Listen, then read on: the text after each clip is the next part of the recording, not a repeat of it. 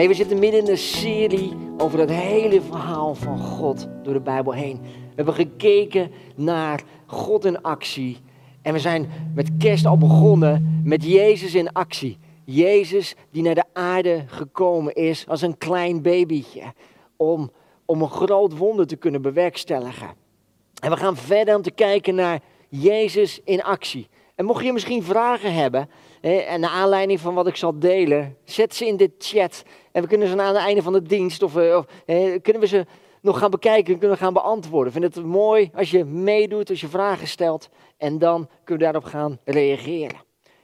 Maar we zijn dus aan het kijken naar het hele verhaal van God in actie.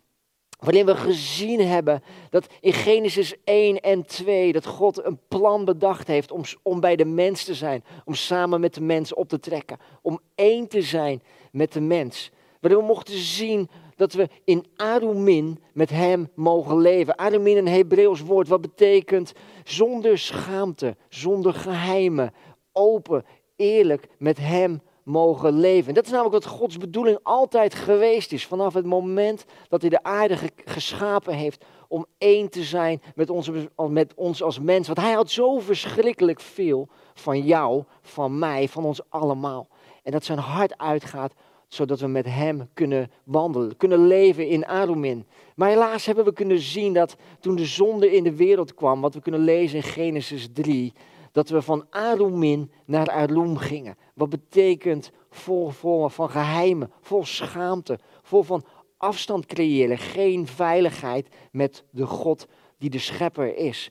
En hoe lastig dat ook is, we zien het door de hele Bijbel heen, dat we afstand hebben genomen van God. Maar dat vanaf Genesis 3 tot en met openbaringen, we kunnen zien dat God alles in het werk stelt om dat terug te brengen. Te kunnen leven met Hem, kunnen leven in Arumin.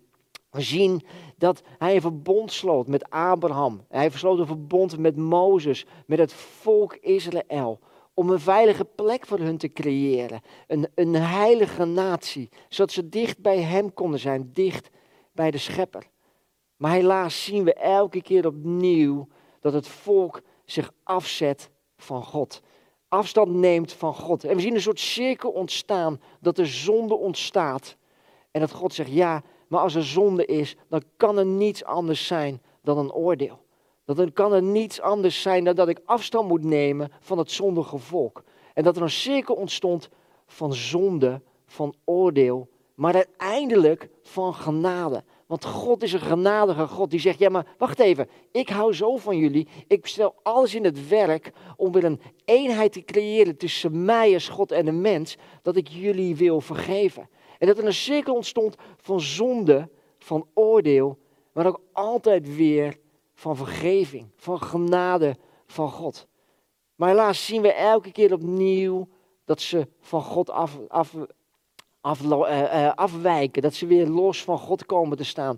We zien het dat het volk Israël elke keer opnieuw zegt, ja maar wacht even, wij willen wat anders. Wij willen God wel dienen, maar we willen ook onszelf dienen. We willen iets hebben wat andere volken om ons heen zet. En elke keer komen ze weer van God los. En worden ze uiteindelijk het oordeel in ballingschap gebracht of er komt een overheersing. En de profeten roepen het uit. Bekeer je, kom terug naar God. En als het moment dat ze dan weer het beseffen van ja, we leven een zondig leven, we zijn van God afgekeerd, nemen, hebben ze berouw en keren ze terug naar God. En zegt God, ik ben genadig, ik ben een goede God. Ik wil met jullie leven. En ik wil die cirkel van zonde, van oordeel, wil ik doorbreken. Ik wil dat we altijd met jou en met, met, met hem kunnen, kunnen leven. En daarin zien we dat Jezus in actie komt.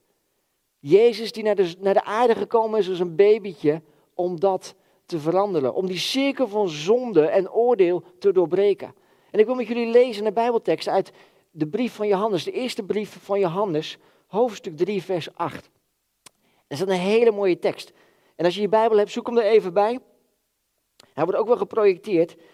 En in 1 Johannes 3, vers 8 staat in vers B: De zoon van God is dan ook verschenen om de daden van de duivel te niet te doen. De Zoon van God is dan ook verschenen om de daden van de duivel te niet te doen. Oftewel, af te breken, te, om te keren, te vernietigen. Dat is waarom Jezus naar de aarde gekomen is. Om dat te veranderen. Dat moeten we ook in onze gedachten houden als we het verhaal van Jezus in actie lezen. Dat we daarin duiken en weten dat Jezus gekomen is om de daden van de duivel te niet te doen. Maar wat zijn dan die, eigenlijk die daden van de duivel? Om daar een goed beeld van te moeten krijgen of te kunnen krijgen, moeten we eerst terug helemaal naar Genesis 3. Waarin Adam en Eva verleid werden door de slang. En waarin de, de duivel op een gegeven moment zegt tegen, tegen Eva: van hé, hey, heeft God niet tegen jullie gezegd dat je van geen enkele vrucht mag eten? En daarin zien we de eerste manier hoe de Satan dat probeert om te draaien. Want God heeft namelijk helemaal niet gezegd dat, dat Adam en Eva van geen enkele vrucht mochten eten. Ze mochten juist van alles eten, behalve van vrucht van één boom. Maar Satan probeert hier direct een twijfel te zaaien. En te zeggen, hé, hey, je mag toch van geen enkele vrucht eten? Heeft God dat niet gezegd? Nee, dat is niet hoe God het bedoeld heeft. God heeft juist gezegd, ik geef in overvloed. Ik wil juist voor jullie zorgen. En ik wil met jullie lezen in Genesis 3, vers 7 en vers 8.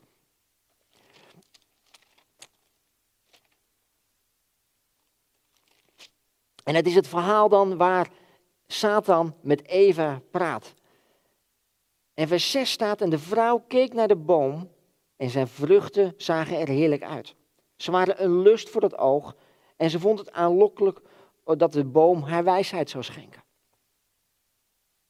Wat we hier zien zijn eigenlijk drie dingen.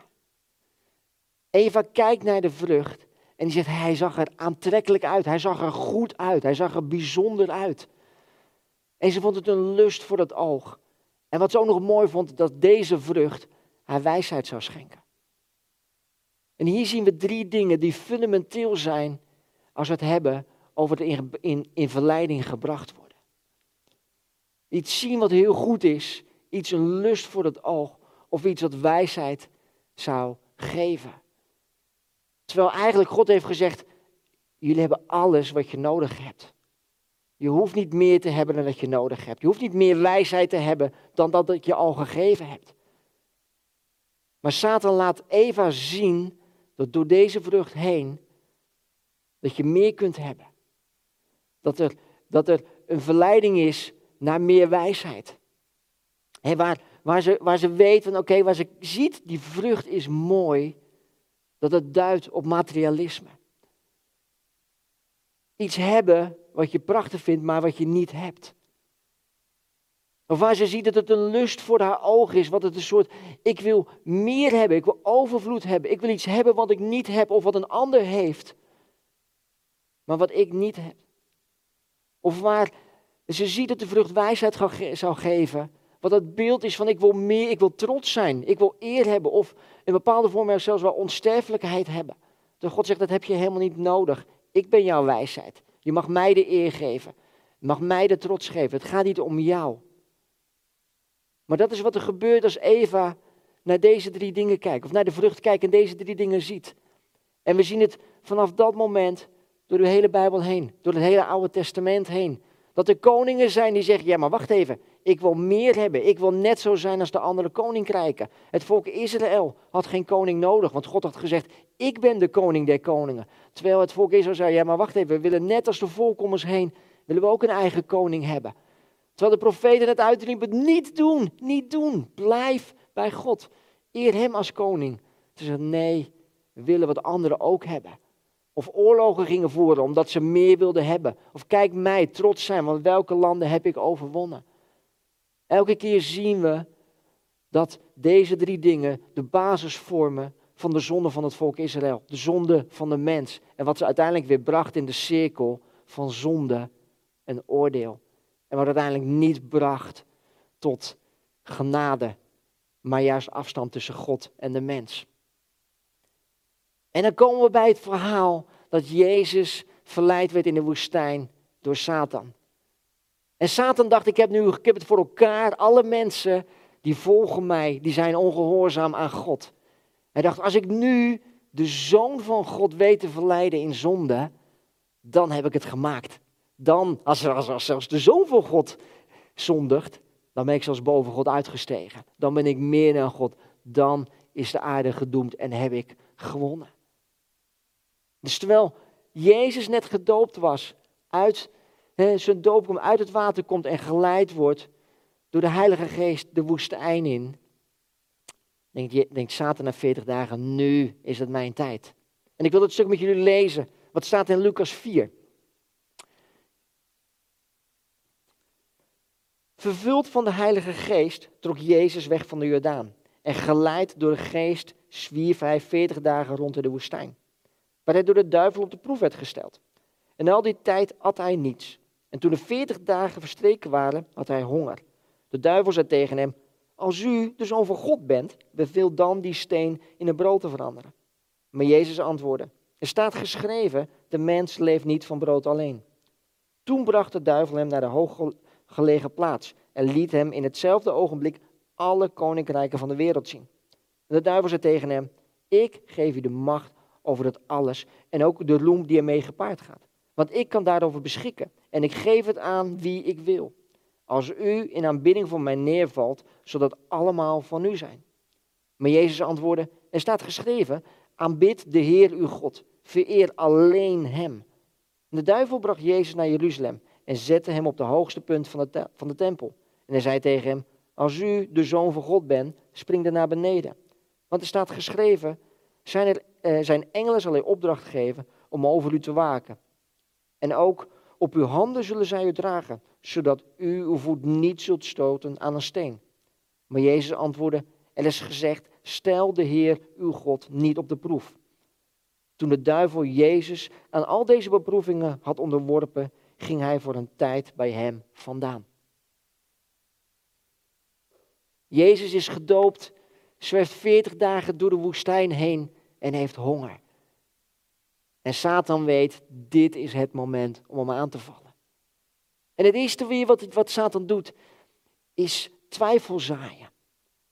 Terwijl Jezus net uit, het, uit, uit zijn doop bevestigd wordt dat er een stem is vanuit de hemel die zegt, dit is mijn zoon, in hem vind ik vreugde. Dan zien we direct dat Satan twijfel probeert te zaaien. Als u werkelijk de zoon van God bent. Hij doet hetzelfde wat hij ook bij Eva deed. Heeft God niet gezegd dat je van geen enkele vrucht mag eten, van welke boom dan ook?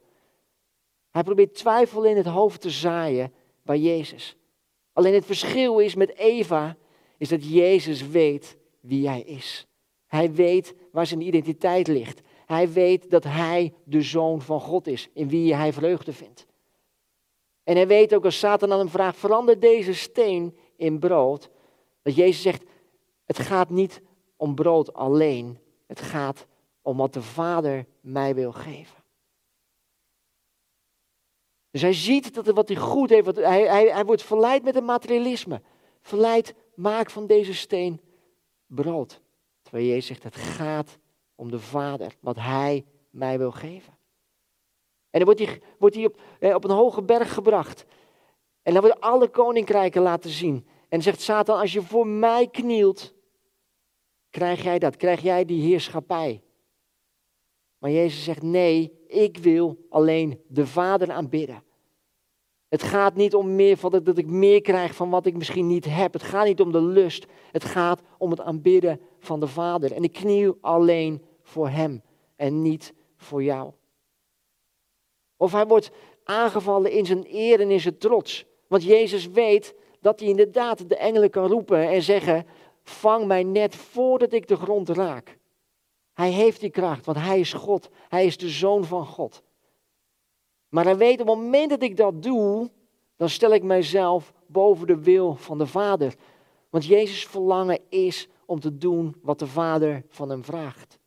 Het gaat niet om zijn eer, het gaat niet om zijn trots, het gaat niet om zijn onsterfelijkheid. Het gaat om wat de Vader wil. En wat we zien hier zo is het supermooie en het ultieme doorbreken van de cirkel van zonde en oordeel. Jezus doorbreekt deze cirkel. Zegt, want ik weet als ons focussen op de Vader, dat we kunnen overwinnen. Dat we meer dan overwinnaars zijn. Dat we krachtig zijn, omdat we kinderen van God genoemd worden. Jezus doorbreekt wat Adam en Eva uiteraard niet konden. Zij vielen in de zonde. En op dat moment weet Satan ook, ik heb verloren. Ik heb deze eerste strijd met Jezus heb ik verloren. Hij is niet voor mij geknield. Hij heeft niet gekozen voor zijn eigen wil. Hij heeft niet gekozen voor lust, maar hij heeft gekozen om in aromin te zijn met de Vader. In eenheid met Hem. En dat is wat we mogen leren van Jezus. Als we kijken naar wat Jezus hier doet, mogen we drie dingen zien. Dat Jezus wist waar zijn identiteit ligt. Jezus wist dat hij de zoon van God is. Hij wist dat de Vader vreugde in hem vond. En dat is dan ook gelijk een vraag voor ons. Weten wij waar onze identiteit ligt? Weten we dat we kinderen van God zijn? In 2 Korinthe 6, 2 Korinthe 6, vers 18 staat het ook. Wij zullen kinderen van God genoemd worden. Wij zijn zonen en dochters van de Vader. En dat mag je weten. Daar mag je mee worstelen. Dan mag je in zoeken van wat betekent dit nou voor mij? Maar dat mogen we wel leren, deze les van Jezus. Dat wij onze identiteit mogen vinden in Hem. Maar we mogen ook leren, mogen ook zien dat Jezus koos om de schepper te eren en niet te focussen op de schepping. Jezus zegt, ik kies ervoor om de schepper te vertrouwen. En ik kies er niet voor om de schepping te vertrouwen. Te focussen op degene die het geschapen heeft. En niet op, niet op zich op de, de spullen of wat er geschapen is.